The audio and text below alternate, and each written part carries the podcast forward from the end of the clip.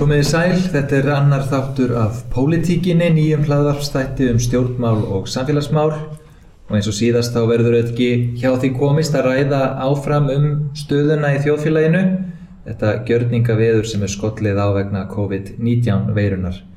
Nú hafa því meðuborist regnar því að fleiri hafi látist vegna sjúdómsins þar á meðal hjón. Þetta eru þetta, það er sorgarfréttir sem sting okkur vest og uh, til allra hafmyggju þó, þá eru líka góða fréttir. Við erum að fá líka fréttir af fólki sem er að batna uh, og bara síðast í dag fréttar af sjúklingi sem að losnaði úr öndunavíl og við þökkum fyrir það. Við eigum öflugt sótvarnateimi og heilbyrðisöföld sem stýra því best sem að snýrað heilsu fólks uh, og hafa á því allt vit. Þannig að við hér í þessum þætti ætlum að því að beina sjónum okkar því að efnahagsmálunum að þessum sinni sem er nú annar fylgifiskur þessa ástands og það þarf ekki reykja það í lungum máli að það hefur ekki bara hægst á hjólum aðtunlífsins þau hafa reynlega stoppað víða. Hjá stórfyrirtækjum og eins í greinum sem við lítum til sem burðar ása í þessu þjófélagi. Alþjóðaflugöldurinn í Keflavík er nánast mannlaus og atvinnuleysi vex rætt þar á svæðinu og við þetta allt saman bætist að spenna er á vinnumarkaði vegna lausa samninga, sérlega hjá hjógrunafræðingum og svo gekk á með afsögnum hjá ASI í vikunni en ASI hafnaði málaleitan samtaka atvinnulífsins um að leita leiða til að draga tímabundið úr launakostnaði fyrirtækja. Hver hefði trúaði að maður ætti að lesa annan eins yngang en til að reyna að skilja stöðuna og gefa okkur líka smá von höfðu fengið yngar góða gesti Ástísi Kristjánsdóttur, forstöðumann Efnahagsviðs SA og Óla Björn Kárasson, formann Efnahags- og viðskiptarendar Alþingis. Velkomin bæðið tvö. Takk. Takk fyrir. Uh, Bjarni Benediktsson nefndi það í fyrir spurnartíma og Alþingi gær, held ég frekkan fyrir að daga, við værum stödd í ykkur skona þóku. Það er mikil óvissa og staðan væri að vestna hraðar en, en hann hefði viljað vona og fjármálar á þeirra útilokkar ekki frekari aðgerðir af hálfu hins ofinbera. Hvernig blasir þetta framhald við ykkur ástís ef þú byrjar? Já, ég tek nú alveg undir það með það sem Bjarni sagði þinginu gær. Þetta er auðvitað, útlitið er svona fókukent. Við vitum í raun ekki hvena við náum lendingu. Þannig að má í raun segja að þetta sé eins og hagkýru okkar sé í frjálsu falli vegna þess að það er í raun bara nánast búið að stöðva framleiðsluna í landinu í næstum öllum geirum eða svo, eða svo maður segja, þetta er ákveðinir atvinnigrænar en þá gangandi en, en svona heilt yfir. Þannig að þetta er graf alvarlega staða og ég held að það finna það allir og auðvitað bara sjáum með því að líti út í gluggan að það er lítið um umferð og allir eru bara heima, fyrir, heima hjá sér. Um, en auðvitað samt sem ári er þetta kostnar sem við þurfum auðvitað að, að horfast í auðu við vegna þess að þetta er það sem þarf að gera til að tryggja að heilbreyðiskerfið okkar og að við komist í gegnum þetta og þetta eru þetta bara faraldur sem er að ganga hérna yfir. Um, ég hérna við hjá samtökum aðlýsins vorum uh, mjög uh, má segja bara jákvæðingar þeirra aðgjara sem var greipið til strax í kjölfarið og, og hérna og teljum að þetta hafi bæði verið trúverðu pakki og, og tímabær og það var auðvitað búið að segja það er þeir gengið e, gert meira en minna. En nú er auðvitað staðan bara búin að versna dag frá degi og, og ég held að staðan sé bara þannig að við verðum því fyrir því betra að koma með ennstari pakka. Það þarf að styðja við fyrirtækin í gegnum þetta. Við erum að sjá það að það eru mörg fyrirtæki sem eru með engartekjur önnur sem eru að sjá upp á 60, 70, 80% samdrátt. Þetta er eitthvað sem við hefum aldrei séð áður. Og Ég hef nú verið að setja hér með vinnufjölum mínum að búið til sviðsmyndir, reyna áttum á því hvert höggi verður í efnarslífinu og þá má ég raun segja að það er ekkert líkan sem grýpur þetta. Þannig að þetta er eitthvað, þetta er ástand sem við sjáum ekki nefn á stríðstímum ef svo má segja og enda er verið að líka sér við hálfgert stríðs ástand. Þannig að þetta er bara mjög fyrðulegur og skringilegi tímar má segja. Óli, þetta er öðruvísi heldur en til dæmis uh, þessi kreppa sem við upplifum síðast að því leitum til að þá þetta hjælt einhver starfsemi áfram, nú er hún bara stopp. Nei, þetta er ekki bara uh, allt öðruvísi heldur en uh, í fjármálarunnu 2008. Þetta er allt annað held, líka heldur en í, á stríðstímum vegna þess að á stríðstímum eru við satt sem áður að reyna að örfa efnaðarslífið og halda því gangandi. við stjórnvöld er í rauninni að reyna að keira alla aðtapna sem í einstaklingu og fyrirtækja nýður eða bara slökka á samfélaginu til þess að ná tökum á þessari óveru sem ógnar okkur. Þar að leiðandi er búið að eða kýpa öllum lögmálum sko hagfræðinar úr sambandi. Og þessum tíma bili sem við vonum að verði einstutt og hægt er að þá verðum við að tryggja það að heimilinn og fyrirtækin geti lífað af. Og það getur engi farið í gravgötu með það að það er fyrstu aðgerið sem gripi hefur verið til á e, frá hendi stjórnvalda ríkisjós og annars vegar og Sæðlabanka hins vegar get ekki verið annað heldur en bara svona fyrsti kapli í þeim varnarleik sem við erum í. Og það er alveg augljóst í mínum huga að við keftum okkur svona pínlítið skjól núna í þessum aðgerðum. Einmitt til aðeins að reyna að skegnast í gegnum þokuna sjá svona, reyna átt okkur betur á stöðinu og ég held að það hefur verið skynsalegt en núna þurfum við að breytta bermar og það þarf að gera miklu, miklu meira. Mm. Það er með það og þú hefur verið að vinna við hennar bandorm og við erum búin að sjá að það eru ein mánuða móta baki. Og mér skýrst til dæmis að hlutabætur hafi, eins og til dæmis á Æslandi er þá er það hálfu mánuðurinn. Þannig að við erum ekki farin að sjá mánuðamótin þar sem að þetta er allu mánuðurinn. Og þú ert að segja að við þurfum að gera miklu miklu meira. Já sko þetta er ekki bara spurningin um laun eh, og laun og greiðslu launa, þetta er líka fyrirtæki þurfa að standa hér skil til dæmis næstkomandi mánudag 7. apríl á mjög háum greiðslu vegna virðsökkarskats og það mun reynast mjög mörgum fyrirtækjum ókleft, öðrum mjög erfitt en önnur sem betur fyrr verða líklegast í stakkbúin til að standa full skil á því og þess vegna erum við byggum við til ákveði mekanisma til að hjálpa fyrirtækjum í gegnum það en það var bara tímabundi skjól og við þurfum að tækla og taka þann kalleg núna strax eftir páska. E, hlutabóta eða hlutastarfaleiðin er er um marganhátt mjög góð. E, við stöndum eins og fram, frammeð fyrir því að það þarf að framleggja hana. Ég við, og ég held að það sé líka svo mikilvægt að við séum bara e, segjum hlutina líka eins og þeir eru og séum ekki að fjalla neitt. Við erum að íta stóru hluta vandánum undan okkur. Við, þetta er svona snjóbolti sem við ítum, keftum okkur skjól þannig, reynum að átta okkur á stöðinni, en snjóbolti stakkar alltaf. Og við þurfum að hérna, horfast í auðvið það að einhver tíman þurfum við að takast á við þennan, þennan snjóbolta eða snjóhengju sem við erum búin að búa til. Mm. Og stór hluta þessu er þetta í formi skattekna og ofinbæra gjalda sem að hérna, fyrirtækja sem er búið að gefa þeim skjól.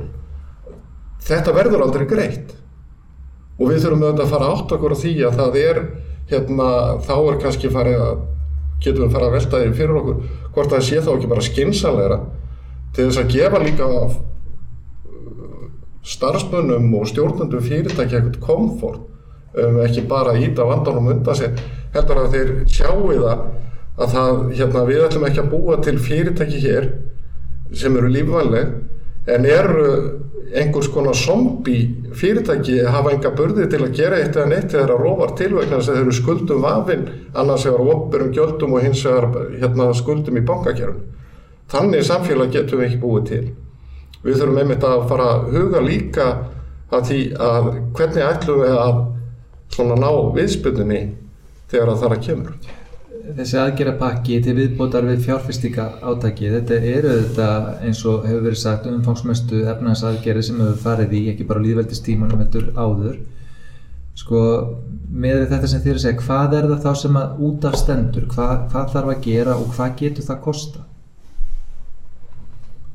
Ástís, hvað tók það bara með óskalista frá þess að Við komum með óskalista aðunlífsins Nei, ég tek alveg undir það sem Óli Björn er nefnilega að segja, það sem að sko fyrsti aðgerapakkin snýrstu var í raun þá, var, voru við ekki eins, eða útlitið ekki eins svart eins og er í dag og, og ástæð fyrir því að maður er svona verður alltaf óttasleiknar en bara með hverju degin meira og við erum að sjá erlenda skamtíma hagvisa sem að bara eru lóðbind niður. Ég menna aðbjörleysistölur er þetta eitthvað sem við höfum ekki síðan síðan í setni heimstriöldinni hvort sem við erum að horfa til bandarækina Breitlands eða, eða Norðurlandana. Þannig að þetta er bara, við, við bara vitum það og sjáum að þetta er þessir vísar sem við erum að sjá ellendis munum við fljóðlega að fara að sjá hér á Íslandi. Þannig að nú eru þetta, sá aðgerapakki sem leið dagsins ljós hér uh, fyrir, uh, hvað, tvei vingu síðan, vingu síðan, uh, var auðvitað bara til svona eins að komast yfir hérna mánamótin og svona komum við fyrsta pakka en það voru stjórnvöld mjög skýr, við munum koma, við munum þurfa að koma fyrir ekkari aðgerðir og það er það sem við erum að byggja eftir núna vegna þess að fyrst aðgerapakkin snýr var auðvitað, jú, hlutabótileg var rosalega mikilvægt, mikilvægt til að fyrirtæki gætu sett starfsfólki sitt í skert starfslutvall og, og en samt að starfsfólki gætu svona uh, fengið uh, svona næstum því fullaun greið en hins vegar voru hinar, snýri hina aðgerna allar að því að fresta greiðslum. Þannig að eða að tryggja hinn svo kallið brólam þannig að það er auðvitað ekkit annað en bara að skulda að, að auka skuldir eða skuldsetningu aðlýfsins en þegar tekjunar eru engar þá eru auðvitað mjög erfitt að komast í gegnum þetta áfram næstu mánuði og vera bara of skuldsett til að hafa kraftin til að, að, að vaksa á ný þannig að næsti aðgerapakki getur ekki verið í svipiðu form. Við getum ekki haldið áforma að fresta ofinbjörnum gjöldum, uh, tryggja frekari lána fyrir greiðslur. Ég held að það sé alveg komið, þannig sé. Og, og, og sko, Sæðlabankin hefur auðvitað líka tryggt nægt lausa fyrir í bankakerfinu til að útlána geta þeirra hefur aukist verulega um hundruðu miljardar. Þannig að, að það er komið. Nú þurfum við að horfa á það og fókusera á það hvernig við getum stutt við þessi fyrirtæki og þetta eru auðvitað þau fyrirtæki sem er, er að lenda í þessu mikla höggi veist, verulega 20% að tekju samdráttur þá er þetta í formi einhvers konar þetta eru bara bein greiðslur þú veist það þarf að horfa fastakostnað getur við eitthvað að liðka fyrir þar? Er, getur ríki komið þar til móts við þennan fastakostnað sem fyrirtæki þurfa að standa undir? Svo hugsa ég eins og til að mynda við erum að horfa auðvitað til þess sem er að gerast ellendis Danir hafa svolítið farið í þessa leið og norðmenn og fleiri að, að ríki hefur stíð inn og í raun eins og í Danmörku er ríkið að greiða alltaf 80% af föstum kostnaði fyrirtækja. Ef með gegn því að þetta eru fyrirtæki sem hafa lendt í verilegu hvað ég held að fyrir 40 eða 50% tekju tabi eða tekju samtrætti ja, og auðvitað önnur sem geta jafnvel ekki verið starfandi í þessu umhverfi. Nú svo líka hefur við til dæmis hort á það sem breytar eru að gera og þar hafaði farið í þetta er svona einskunar hluta bóta leið nema hvað að eins og til dæmis horfum að núna, það eru fyrirtæki sem eru með nulltekjur en þurfa samt sem ára að greiða 25% laun til starfsmanna sinna.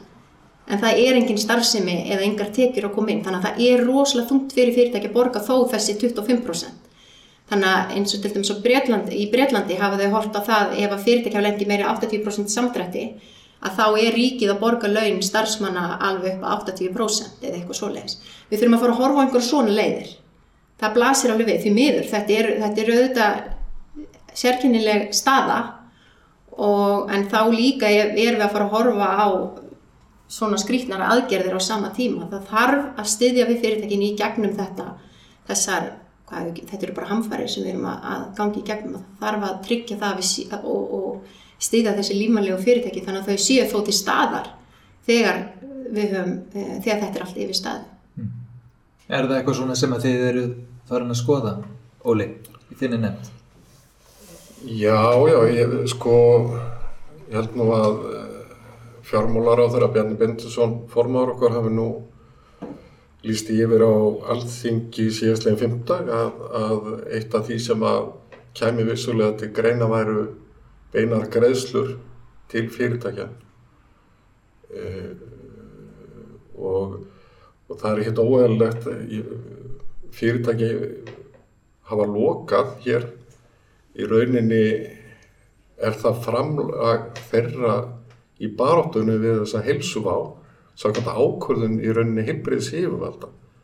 Þessi fyrirtæki hafi ekki unni neitt sér til sakar sko.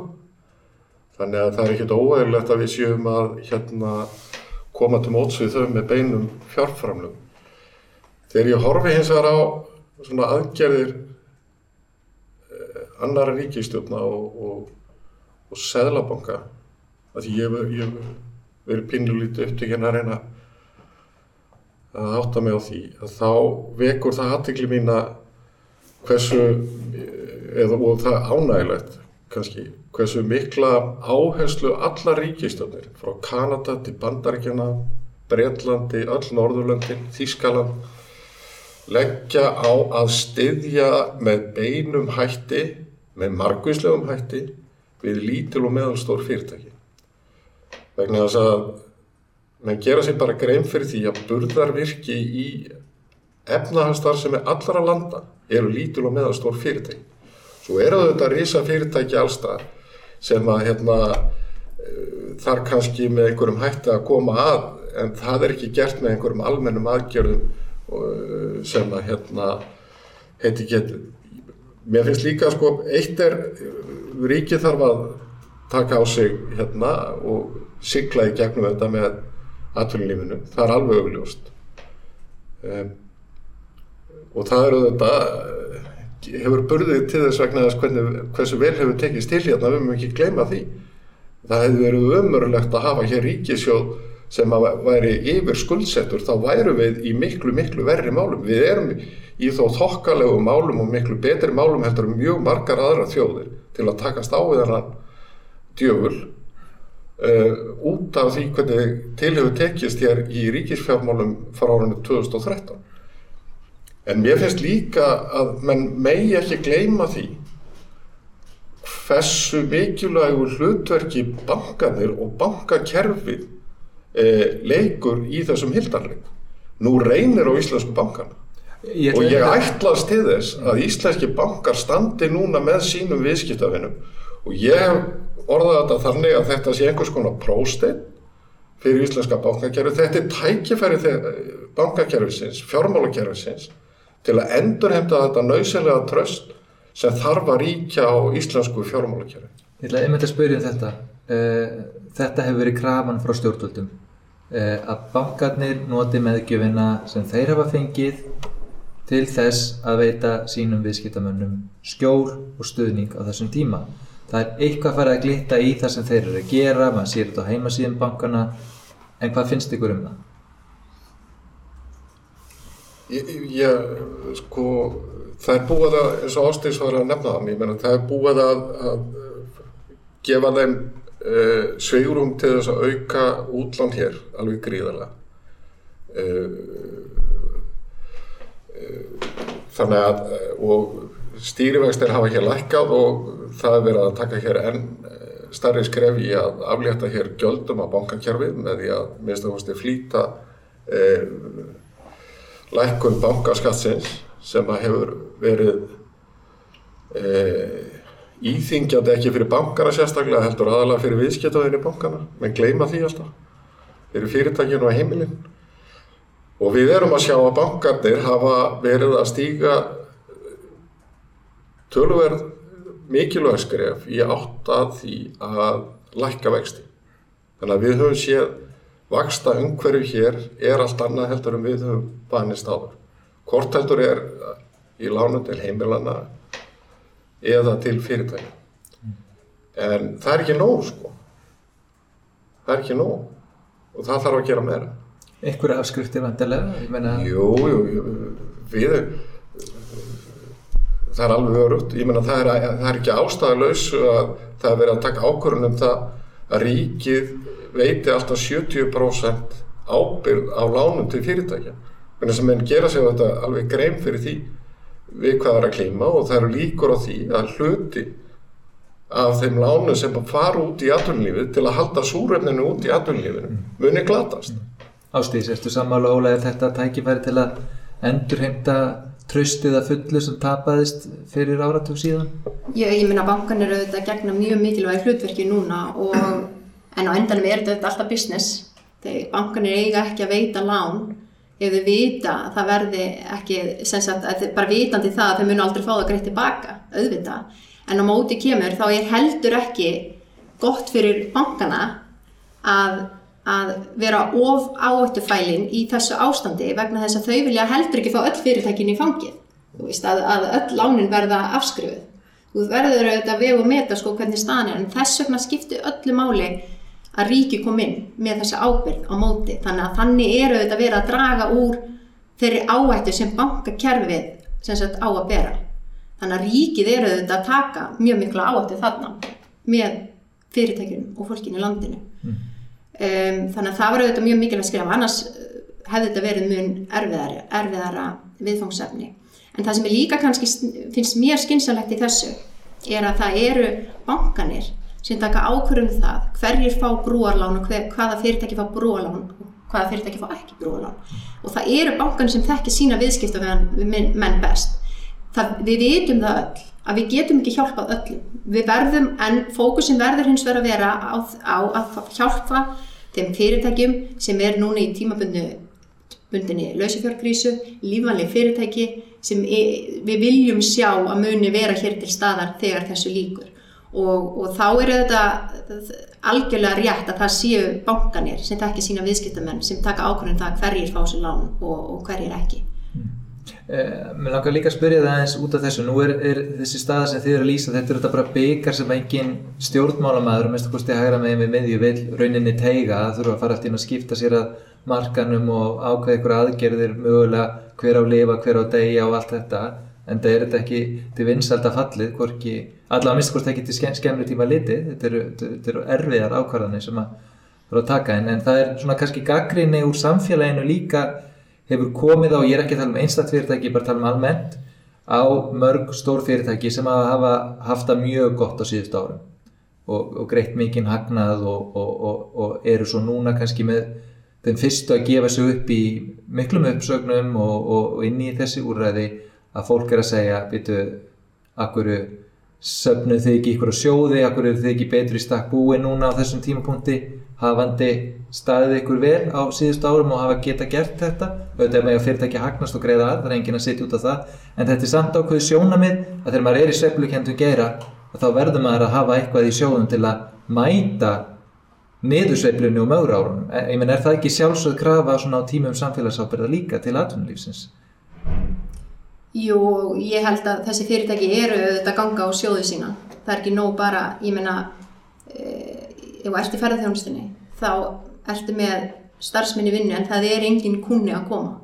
Þannig að, að svo koma þessi úrræði og þeir eru bóðið, þú getur kosið það að starfsfólki þeitt vinni 25%, 50% eftir því hvað er mikið að gera og, og getur þá, þau getur þá farið á atvinnleysisbætur á móti.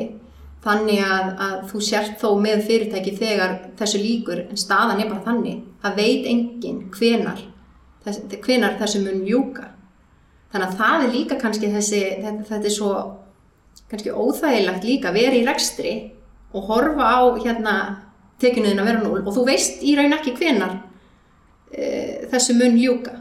Og það er enginn sem getur sagt okkur það. Eða mun, mun þessu ljúka núna fyrir sumari eða mun þetta koma aftur upp í haust. Þannig að það er kannski líka ég, ég hérna, að minnst okkur styrk ég verið rekstri þá myndi ég það ætti með þægilega að vera með slíkan sjóð en líka þetta þarftu bara að skoða þau úrræði sem er í bóði og, og ef að þú ert til dæmis ert að uppfylla öll þau skilir sem til þar og getur nýttir þessi úrræði þá heldur ég að það sé mjög eðlileg en, en hérna en það eru þetta líka í öllum þessum tillögum og eins og ég var að koma með þennan óskalista áðan að sko það sem er kannski, við getum komið með alls konar hugmyndir og sagt þið að gera þetta, þið að gera hitt. En ég held að flóknast að það sem er flóknast við þetta er að reyna að rammenda þannig inn að við séum að tryggja það að það séu þau fyrirtæki sem sannlega þurfa að hjálpa og halda fá þessa hjálp.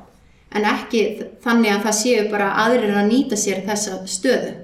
Hórum aðeins til heimilarna uh, maður er fann að heyra svona tíur og gamlan svona, ég veit ekki hvað söng eða eitthvað, svona fólk er með þetta í sínu líkamsminni uh, það sem þá gerðist og fólk er mikið núna fara að ræða umgjaldmiðlinn og, og þeir eru nú vel skóluð í hagfræði og það getur oft verið svolítið snúið fyrir okkur sem erum aðeins minna skóluð í þessum fræðum að átta svo oft á samspili ólíkara gjaldmiðla og hvernig hlutinni ganga þar. Hvernig sýnist ykkur það að tekna sér, er þetta núna óleitt að þýleitum til að það bara setur öll heimsbyðin í súpunni. Er einhver ástæða fyrir okkur til að halda það að, að við séum þá einhvern veginn að því leitunum til að fara einhvern veginn verður út úr þessu eða þú veist út frá lánamálum, út frá verðtrykkingu og öll, öllum þessum pakka, hvað getið þið sagt okkur um það? Óli, þú byrjar Það er enga vísbendingar um það að, að það muni reyna hér á til dæmis einhvern verðbólgu eða, eða að fólk þurfa að hafa mikla rákjör á því að, að lán sem eru tengt vístölu hækki hér með einhverju þeim hætti sem var hér áður og voru á vísu gengisbundur lánin sem er kannski allu mestu erfileikunum hér fyrir 10-12 árum. E, það eru líka, ef þú horfir bara á svona þrýstingin á verðlaga þá er hann líka niður og við frekar sko. Þannig að það getur nú verið óskjænsalegt að, að jáfnvegilega keipa vísturinn úr sambandir að þýleiti. En svo er þetta ekki bara einhvern svona, þetta er ekki svona einhvern, bara einhvern takki sem við taka úr sambandi og halda að það hafa engar afleðingar neistar anstaðar í, í samfélaginu sko. Ég spyr, ætla með þá að kippa óvertriðan vöxtum sem eru orðin mjög algeng form hér og hefur verið krafa hér að heimilum standi til bóða óvertriðlán. Ég meina óvertriðlán hækka ef að verla hækka sko, vextir á þeim, alveg með sama hættu og vístölubundin og til lengri tíma er þetta kannski jafnvel svipa þó að áhættan sé kannski meiri óvertriðlánu fyrir lánveitandan og ætti þar alveg að vera örlíti herra hérna. En ég held að allt, allt ég fer alltaf í vörð og hef alltaf áhyggjur þegar að koma fram stjórnmónumenn eða haggfræðingar með töfralausnir eins og það til dæmis að setja þak eða kipa vístölu samband og svo framins. Þetta eru bara svona fiffir í lausnir sem munum bara auka vandan þegar til lengri tíma lítið. Mm -hmm. Og það er sannlega góðsandýr kannski frá? Ég, og, ætla nú bara að vitna, já, ég, ætla, ég, ég held ég megi bara vitna í, í orð Sæðlabankastjóra sem saði einhver staðar, já, hvaða lönd hafa nú verið að fykta í þessu? Það er til dæmis Argentina. Ég held nefnilega að þetta er stórhættilegt ef við værum eitthvað að fara að fykta í þessu, að vera að fykta svona í, í hérna, fjármálumörkunum og, og, og lánasamningum, en svo líka kannski annað að þetta er allt annur staða heldur en var fyrir rúmlega áratög síðan. Og sem betur fer höfum við nýtt síðust ári að bú í hægin stjórnvöld skulda minna, Sæðlabankin er með 900 miljardar það og heimil og fyrirtækja verið greinni skuldir þannig að þetta er mun sjálfbærari staða og það er ekkert sem bendir til þess að krónan sé að fara að veikjast eitthvað verulega og við sjáum það bara þrátt fyrir allt sem á hefur gengið núna að þá hefur krónan, hún hefur veikst lítið, hún hefur alveg veikst um hvað 10-12% Sælabankin hefur lítið þurft að grípa inn í samsum aður og hérna mann hefði nú haldið að það hefði verið meira högg svona alltaf að minnstakost ef að staðan á efnarsreyningum okkar hefði verið svipar og var hér fyrir rúmlega áratur síðan og það er bara svo sterk vísbending, sagt þetta er svo vísbending þess efni sem sýnir hvað við erum með sterkar undistöður og hérna ég, ég tek alveg undir það sem Óli Björn sagði á ef maður horfður svona á verbulguna og, og, og einhvern hugsanar verbulgu þrýsting þá sé ég ekki alveg hvaðan hann á að koma. Kannski einhver gengi sveikingu eftir að skila sér í, í maturöður eða einhver, einhver, einhverjar neyslu vörur en svo er að fara að sjá líklega algjört frost á húsnæðismarkaði, óljan er að lækki verði það er ekkert sjá, e, það er engin eftirspurna þrýstingur í kerfinu þannig að Ég, ég, ég, að mínum að er þetta eitthvað sem við eigum ekki að vera að ræða núna, þetta er ekki ágjafni og ekki bara frekar fókusur á það sem vandin liggur heldur en að vera eitthvað að tala um hvort að frista verðtrygginguna ekki, minnst mm -hmm. bara galin umræða. Mm -hmm. en, en svo er það bara aðeins svona út af almenningi, ég var nú að segja það sko því ég er nú giftið flugþjóni og, hérna, og þetta, þetta þá kemur bara strax núna við heimilið. En ég sagði þetta er nú ílega svona að því gefnum að nú bara haldi grunnframfæslunni svona í sæmuleg jafnvægi þá er þetta eiginlega að því leitum til besti tíminn til að vera blankur en það er enginn annar að fara til útlanda.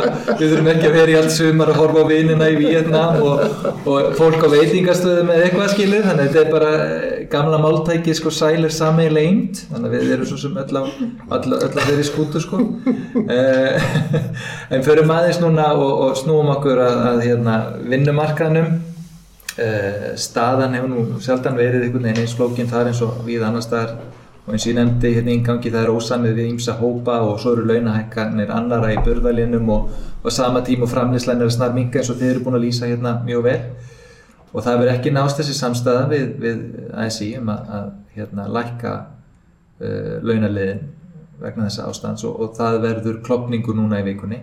En gangur með stjórn og það er greinilega erfið staða þar uppi.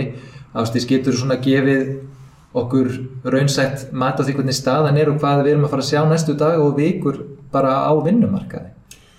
Já, sko eins og staðan er núna þá eru laun að fara að hækka hér um, eins, eins galið og það er með stöðuna sem við erum í. Fyrirtæki þurfa að horfa upp á það að launakostnari þeirra er að fara að hækka um, við erum að með, þú veist, þetta eru fyrir eftir því auðvitað hvernig hérna laun er á hverjum stað en þú veist, þetta eru verulega fjárðar þetta er einhverju fjóru miljardar á mánuði 50 miljardar á ári ofan í samdrátt í hagkjörn okkar sem verður öruglega upp á, upp á 10% til mesta eða líklega svona í kringum 10% með svona sem ég er að sjá þær sviðsmyndi sem við erum að vinna með.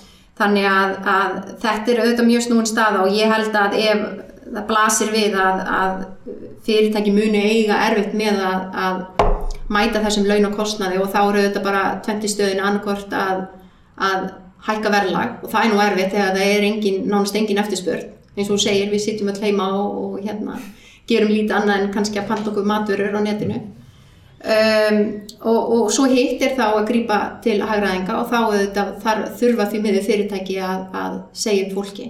Þannig að það sem við óttumst er að e, þarna er í raun e, er við komin í, við erum í raun að, að horfa upp á það að það verði enn en frekar uppsagnir út af þessu. Þetta er bara staðan er svo grav alvarleg í hagkerfin okkar og það að fyrirtæki sé að fá laun og hækkanir ofan í þessa stöðu eru þetta bara hrikalegt og bara mjög erfið flest fyrirtæki í dag eiga bara mjög erfitt með að mæta þessu kostnæli. Mundið að breyta miklu til dæmis að fresta þeim fram á haustið. Væri það, eða þarf það að vera út árið, hvað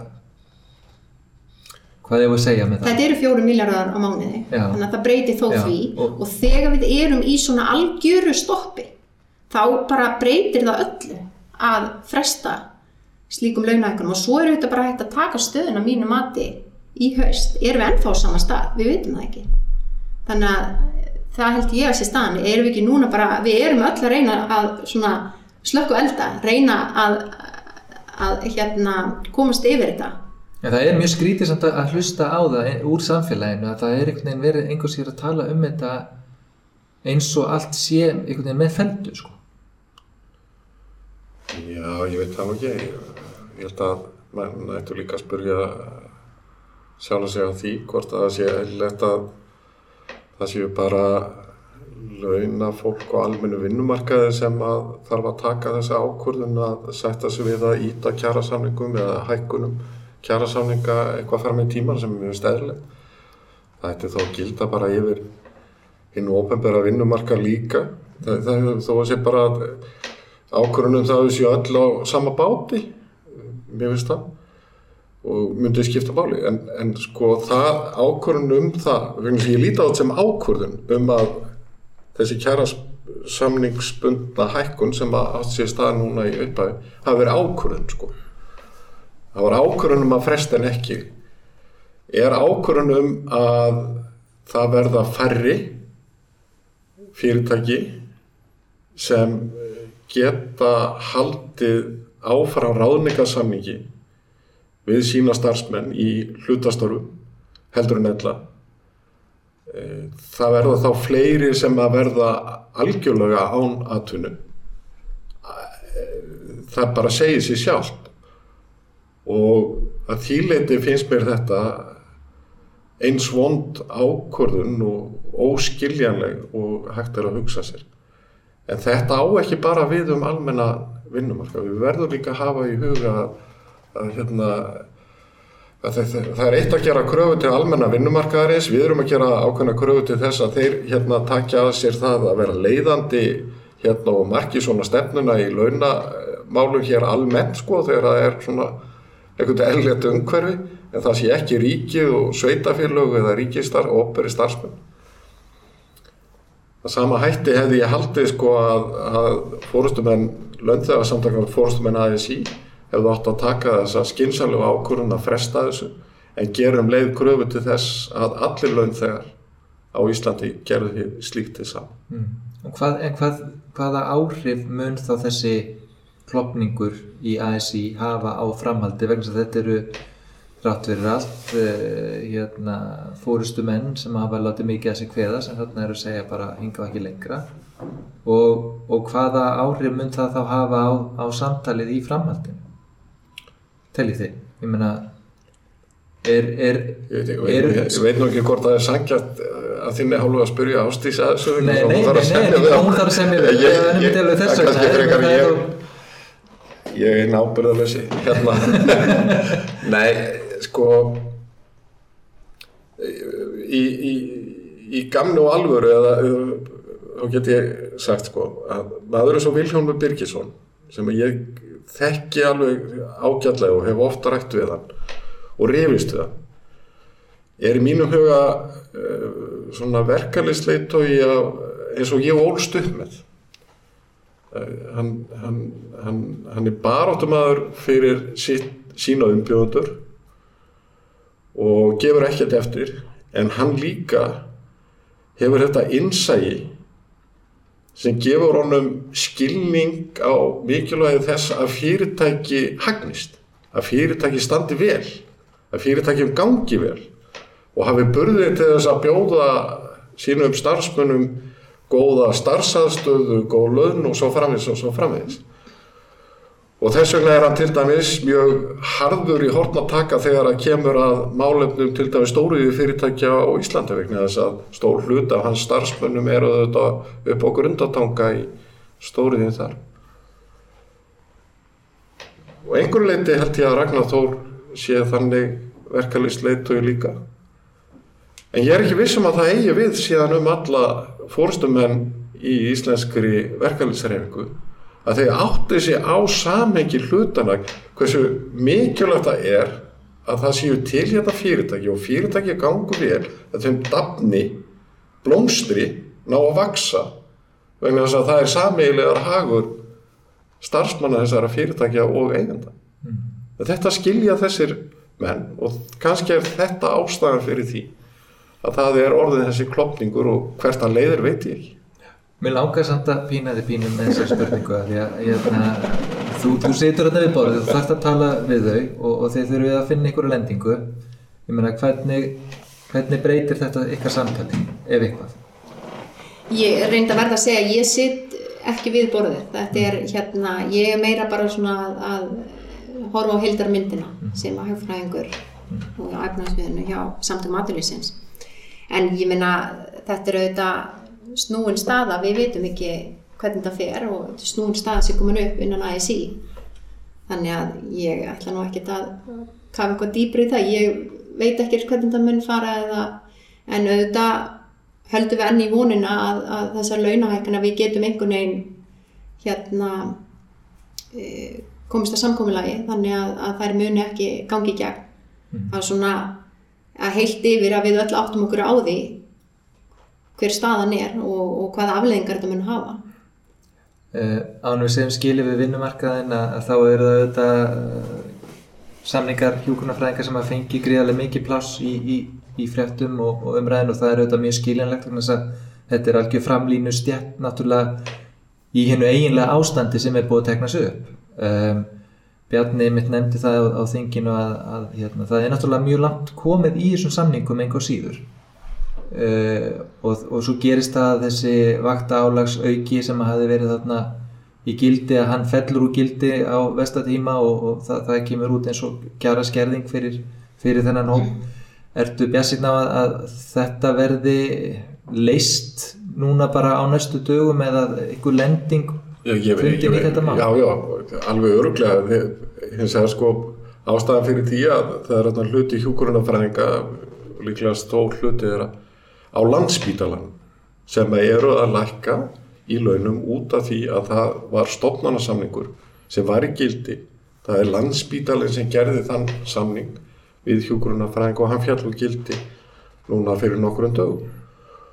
Og uh, það hefði kannski hérna verið skynsanlegra að reyna að, að, að framlengja hann bara einhliða þess vegna ef svo bæri undir og, en ég hygg nú að að ég meina kjærasamningurinn sjálfur sem er rammin að þessu er, meira eða minna tilbúin, það er eitthvað tekist á um einhver smáadri, eða ég ekki segja smáadri, það er aldrei hægt að segja smáadri. En ég held að þetta leysist núna á næstu dögum. En þó þann, þó þann. Það er bæði vond fyrir ríkisvaldið, en líka fyrir hjókurunafræðinga að vera að standa í kjara deilu á tímum sem þessum. Það er jafn ömulegt fyrir báða aðila. Við erum auðvitað að leggja mikið á hjókurunafræðinga og ég hygg að, að, að svona stuðning við hjókurunafræðinga sé almennur meðal landsmanna og uh, við viljum auðvitað gera vel við þá en ég hef enga ástæði til annað en að, að það verði farsal niðurstað hér eftir nokkra dag Skulum vera bjassið með það. Uh, Sveitafélagin hafa kynnt sínar aðgerðir, eitthvað sem þið viljið segja um þær? Þetta, Já, þetta hefur áhrif á, getur haft áhrif fyrirtæki. Já, náttúrulega jákvæmt að var verið að eh, fresta hérna greiðslu fagstegna gjalda. Það er kannski það sem að ég heyri frá mínum félagsmönnum sem að svona frá sveitafélagunum að það er það sem skiptir máli fyrir fyrirtækin en, en hérna Hefur viljað svo meira frá sveitafélagunum? já, já, auðvitað, við hefum alveg viljað sjá meira og til dæmis að lækka fastegnarskattin úr hvað 1,65 í 1,60 er auðvitað ekki ekki stór skref og fastegnarskattar eru mjög háir í bæði í sögulegu samengi og í, og í svona alþjóðlegum sambröð og alþjóðlegum sambröð er mjög flókin þetta er svo, við hefum þó reynd að fara í alþjóðlega sambröð okkur sýnist það.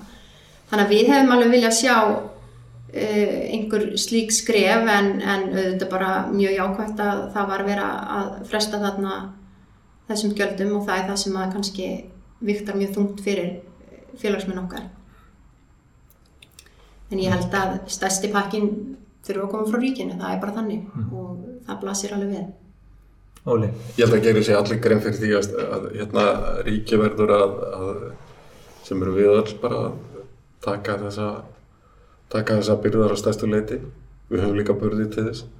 Sveitafélagin hafa mörg hver líka burði til þess og auðvitað það rétt sem Ástís segir að, að hérna, fastegnargjöldin hafa verið þungur bakki fyrir marga, mörg fyrirtæki þó að það verði ekki leist að þessu sinni að það er alveg augljóst að það fyrirkomulag þessi mekanismi sem er í fastegnargjöldum hvort heldur er bara á íbáðurhúsnaði en, líka á, á atvinnuhúsnaði er bara einn skalinn eins og hægt er að hugsa sér. Og það er kannski setni tíma mál þegar við komin í gegnum skablin að, að fara nú að finna einhverja aðra leiðir e, í að innheimta gjöld fyrir kostnaði sem sveitafélagi verður fyrir, fyrir af því að þjónusta fastegni hvort heldur atvinnuhúsnaði eða íbárhúsnaði sem er grunnurinn að fastegnagjaldinu sko, menn með ekki gleyma því að þetta er auðvitað á að vera einhvers konar þjónustugjald hérna út af, út af því. Þannig að e, við þurfum að finna það út úr því.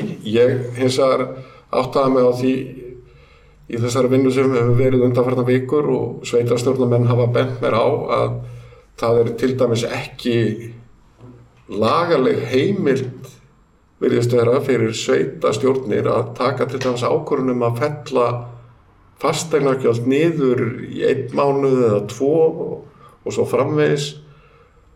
Og við þurfum auðvitað að setja þetta inn í lög og það er þetta að gera bara eftir páska. Og þá getur nú einhverja sveitastjórnir einhver sveitafélög hérna tekið þessa ákvarðanir. Og það eru sveitafélög sem hafa og geta gert það. Þetta er búið að vera náttúrulega svo ótrúlegt viðtæla og hérna náttúrulega mjög, mjög, við erum alveg að þungu nótunum og eðlilega, þannig er bara ástandi. En bara svona svo við reynum að tína eitthvað pínu lítið, þú veist, hvað er, er, er einhver byrta umfram það að ef maður verið að framlega spritt, sko, er, eru einhverju atvinnuvegi sem eru ok. Ég heiti nú málara í vikunni sem að sagði mér nú það að það væri að seljast ákveðta málingu, fólk er að ditta við heima við og eitthvað svona, en, en eru eitthvað staðar svona Já, já, já. eðlileg lífsmörg? Já, já. Sjáðu, sjáðu bara tækjafærin sem að íslensku landbúnaður horfið fram á. Ég meina, þetta er tækjafæri fyrir íslenska landbúnað. ég meina fyrir matvala framleiðslu á Íslandi þá er þetta bara eiga menna að hérna fara að, að bara bretta upp ermar og nýta tækifærin. Sjáu hvað lýs er að gera. Meina, koma hér með hérna, nýja vörur sem eru að vísum búin að vera í mörg ára að þróa en er hugsalega einhver, einhver vörð hjálpar okkur að verjast ekki bara þessari veiru, þetta er bara almennt veiru hérna, með lýsi hérna, ég ætla ekki að fara frekar út í það, ég tek þetta mm. og þetta er ekki vond sem komir óvart og hérna þannig að það eru fullt af hérna svona fyrirtæki hugbúnuða fyrirtæki, mörg hver er að blómstra og er að nýta sér tækjafæri. Við sjáum líka að þetta getur líka haft jákvæð áhrif á svona vinnumarkaðinn og samspil vinnumarkaður og heimilis þegar að við förum að sjá að það er kannski alltaf lægi að vera aðeins með meiri sveigjarleika kakar starfsmönnum þegar að kemur að því að, að sinna heimil og börnum og, og vinnu og vera kannski hugsaðlega eitthvað já, vinna aðeins meira heima þegar það hendar og svo framvegis og það sé ekki lítið eitthvað hotnögu eða það sé eitthvað áþjón fyrir fyrirtækin mm. þannig að og mörg margar áttu að nokkar þingflokki sparkað alveg inn í landin í 2001. öldina þegar þetta gerðist með fjárfundabúnaði og alls konar e, tækni sem að maður hefði kannski ekki ja, það þurfti nú að sparka sömum út og 19. öldinu fyrst sko. þetta er náttúrulega líka við um, ég minna verslanir það er líka verið að sparka þeim svolítið í framtína það, það er verslan sem voru ekki með netverslanir mm. eru núna þó að nýta tíman og fjárfyrst í slíku og koma því á koppin mm -hmm. þannig að er þetta, það er náttúrulega jákvæði punktur við þetta, við erum svolítið kannski búin að stíga stærri skref inn í framtíðina hvað þetta varðar. Já, en, en þá tölum við framtíðina að því að þetta, þetta, þetta er tímabundið og þetta mun líða hjá. Alveg, alveg sama hvað. Og þá, þá veldur maður fyrir sér það er verið að bóða markasáttak og eitt og annað. Hvar haldið þið að landið muni rýsa fyrst og, og ég meina hvar verða núna tækifærin? Þá er ég að tala bara um á næstu árum eftir COVID-19. Er það afturferða þjónustan eða er það að fara að sjá hvað bara glæði nýtt? Hvað haldið, bara spákúla Ég, ég meina ég hef alla tíð verið samfarið um það að einhver mestu tækjafæri sem að okkur bjóðast hér á Íslandi er matvala framlegslu og við erum auðvitað matvala framlegslu land. Og það er alveg sama hvort þú vart að tala um sjáarútveik, fiskeldi sem að ég vil auðvitað, ég er svona verið pínu á bremsunu þar út af öðrum ástæðan en það eru hins vegar alveg ótrúlega tækifæri þar og svo ég enn í landbúnaði. Og þessar greinar þurfum að fara að vinna betur saman og við þurfum að fara að fjárfesta miklu meir og skilja hvað þess að ótrúlegu möguleika þar er en það breytir ekki hinn að, að náttúrun hérna verður þetta auðlind hér líka í ferðamennsku. Mm -hmm. og ferðamennska verður hér stóra atvinnugrein eins og áður kannski með pínuldu öðrum hætti og kannski aðeins stýrari við sjáum líka og ég með frettir af því að að hótel eru núna að byrja að fá bókanir fyrir næsta vetur aðalega frá Asju en þetta er að byrja þannig að það eru svona það eru ákveðin teikt þar. Já, maður hefði líka frá bandaríkjum og fólkum sem vil koma hinga fyrst eftir krísu vegna ja. þetta er þráttur allt eiga og það er ekki mikið þjættbíl ekki eins og er í heimsborgum og svona þannig að fólk horfir, horfir til þess. Við, að... við nutum eigafjallajökuls mm. hér áður. Hérna lokuðum öll flugumferð og hérna svo vissu allir hvað Ísland var og ferðamenn komu. Ég menn það var bara markastri það eru þetta farið að hérna, vekja alveg gríðarlega mikla aðtegli í bandaríkunum sérstaklega, ég veit ekki og Breitlandi, ég veit ekki kannski ég hef ekki fylgst með fjölmiðlum annars þar en sérstaklega í bandaríkunum hvernig íslensk heilbriðis yfirvöld hafa tekist á við hérna, COVID mm. og bandarækjumenn mun auðvitað líta á Ísland sem bara mjög örugt land og þar að leiðandi er það rétt sem hún segir að við getum þá farið að. Hérna, búast við því að bandarækjumenn komi enn meira til þegar að þessu öllu líkur. Ég held að eh, hérna ég var áður fengið svo spurningu sko hver verður drivkraftur hafast að næst? Og maður getur aldrei, öruglega gískar aldrei á rétt, ég held að enginn hafi verið að gíska á ferðarþjónustuna 2009 en hérna ég samt tel að það eru tækifæri í svona megin útflutningsgreinum okkar, ég minna sjárótunum er sterkur, fiskaldið er vaksandi grein, ferðarþjónustan, sko ef við horfum á hana, hún auðvitað bara kom, var skyndilega mjög stór á mjög skömmum tíma og við svona næstum því réðum ekki við vöxtin. Þannig að við náðum ekki alveg að svona fara í þess að stefnumótunum vinnu, svona vera, við vorum í raun ekki tilbúin að taka móti svona miklu fjöld, þetta voru svolítið bara svona, hvað segir maður, svona að bara passa að, þú veist, þetta myndi Sprengi ekki alltaf inn í já, þig. já, já, í raun. Komast upp með þetta. Já, þannig ég sé núna tækifæri svolítið því, nú erum við búin að sjá þessa grein vaksa mjög hratt en hún átti eftir að taka út þroska sinn og ég líki sér stundu svolítið við sjáurútvegin. Sjáurúturinn er auðvitað bara eina okkar hvað elst útlunnsgreinum eða ekki og hún er þarna búin að, þetta er grein sem er búin að fullordnast og, og svona gengur mjög vel og er að hérna, skila miklum verðmætum sagt og, og ná, hefur náð auka verulega framleiðinni í greininni. Og það er kannski eitthvað sem að ferðarþjónustan þarf núna að horfa til. E, vöxtur, Læra mistökum. Læra mistökum. Og líka því sem vel hefnaðist og auka, sko ma við þurfum að auka verðmæti. Já. en sko, ég held líka að vöxturinn næstu ára verði ekki eins og við sáum hér áður. Það kemur mjög verið lofart þannig að það, það er kannski bara líka holt og gott að við fáum svona vöxtuð þetta aftur en kannski ekki 30, 40, 50% vöxtur að þetta komi svona í verði frekar heilbriðari vöxtur. En þó þannig að við, við ráðum við það þetta núna, við erum með kannski meiri innviði til staðar en nú þurfum við að leggja áslá að auka verðmæti. Og ég, ég tók einhvern tímann saman sko, ef við horfum að ferðarþjónustuna sem hluta þetta heildar útflutningi í öllum heiminum að þá erum við þar í tíunda sæti. Það er að segja, ég tók bara lönd sem fá yfir miljón ferðamenn til landsins. Og við erum í tíunda sæti þar svo skoðaði ég eh, hérna, hvað við erum að fá fyrir hvert ferðamann. Og þá döttum við niður í 2005. sæti. Á meðan Nýja Sjáland er líka svona frekar þeir efnahagslegt mikilvægi ferðarþjónustunni er svolítið mikið í Nýja Sjálandi. Þeir eru þarna í einhver 20. sæti þeir kemur að, sem hlutu að heildar útflutningi en fara upp í 5. sæti. Þeir kemur að verðmæti, þeir hafa gert þetta mjög vel. Við getum fara að læra af öðru- öðrum þjóðum og það er kannski það sem við, hérna, ég sé alveg talsverð tækifæri því, þannig að ferðarþjónustan verður áfram mikilvæg atvinnugrein og hérna En sennilega bara mitt betri, ég held þetta sé nefnilega mjög rétt matjál, við fórum með til hringverð núna í áspyrjunum og þá fekk maður svona gott yfirlit. Sumstaðar er þetta bara sko í heimsklassa. Sumstaðar meira verið að gera hlutir á góðum vilja en mætti og svona og sumstaðar svo litið fúsk. Það, er svona pínu blanda af þessu öllu og maður finnur einmitt að greinin þarf að taka út aukinn þroska og kannski nákvæmlega núna er það nákvæmlega það sem gerist. Einmitt, ég held það. Kannski fáum við svona, já, að ferðarþjónustan muni breytast, þroskast, en hérna, en ég er að auðvitað alveg reyðbúin að taka móti aftur þeim fjölda sem við sáum, en, en vöxturinn frá þeim, við vorum hvað, tveir, tveir miljónir verðamanna og þá eftir það væri við kannski að sjá svona normal, það var það sem vorum að gera ráð fyrir, mm. en hérna, þetta er auðvitað samt verulega tökk núna, en, en það eru tækifærið þarna, að mínum mati. við erum á bjarsín sem er mjög gott að að enda á þeim nótum og, og einmitt eh, ég var að hugsa það sko að, að fyrir, ég kefti íbúð fyrir 12 ára síðan í, í hverfi sem var í byggingu.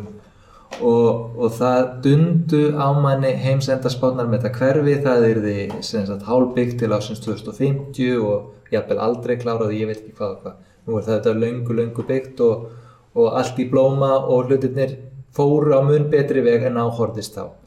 Og ég hef ekki bara vonað að það verði sama raunin nú hmm. Er engin ástæð til að annað. Nei, það er mitt það Ástís Kristjánsdóttir, fórstuðmaður efnahagsviðs SA og Óli Björn Kárasson formaður efnahags og viðskipta nefndar Alþingis virkilega gaman að fá ykkur í heimsókn, takk fyrir Takk fyrir.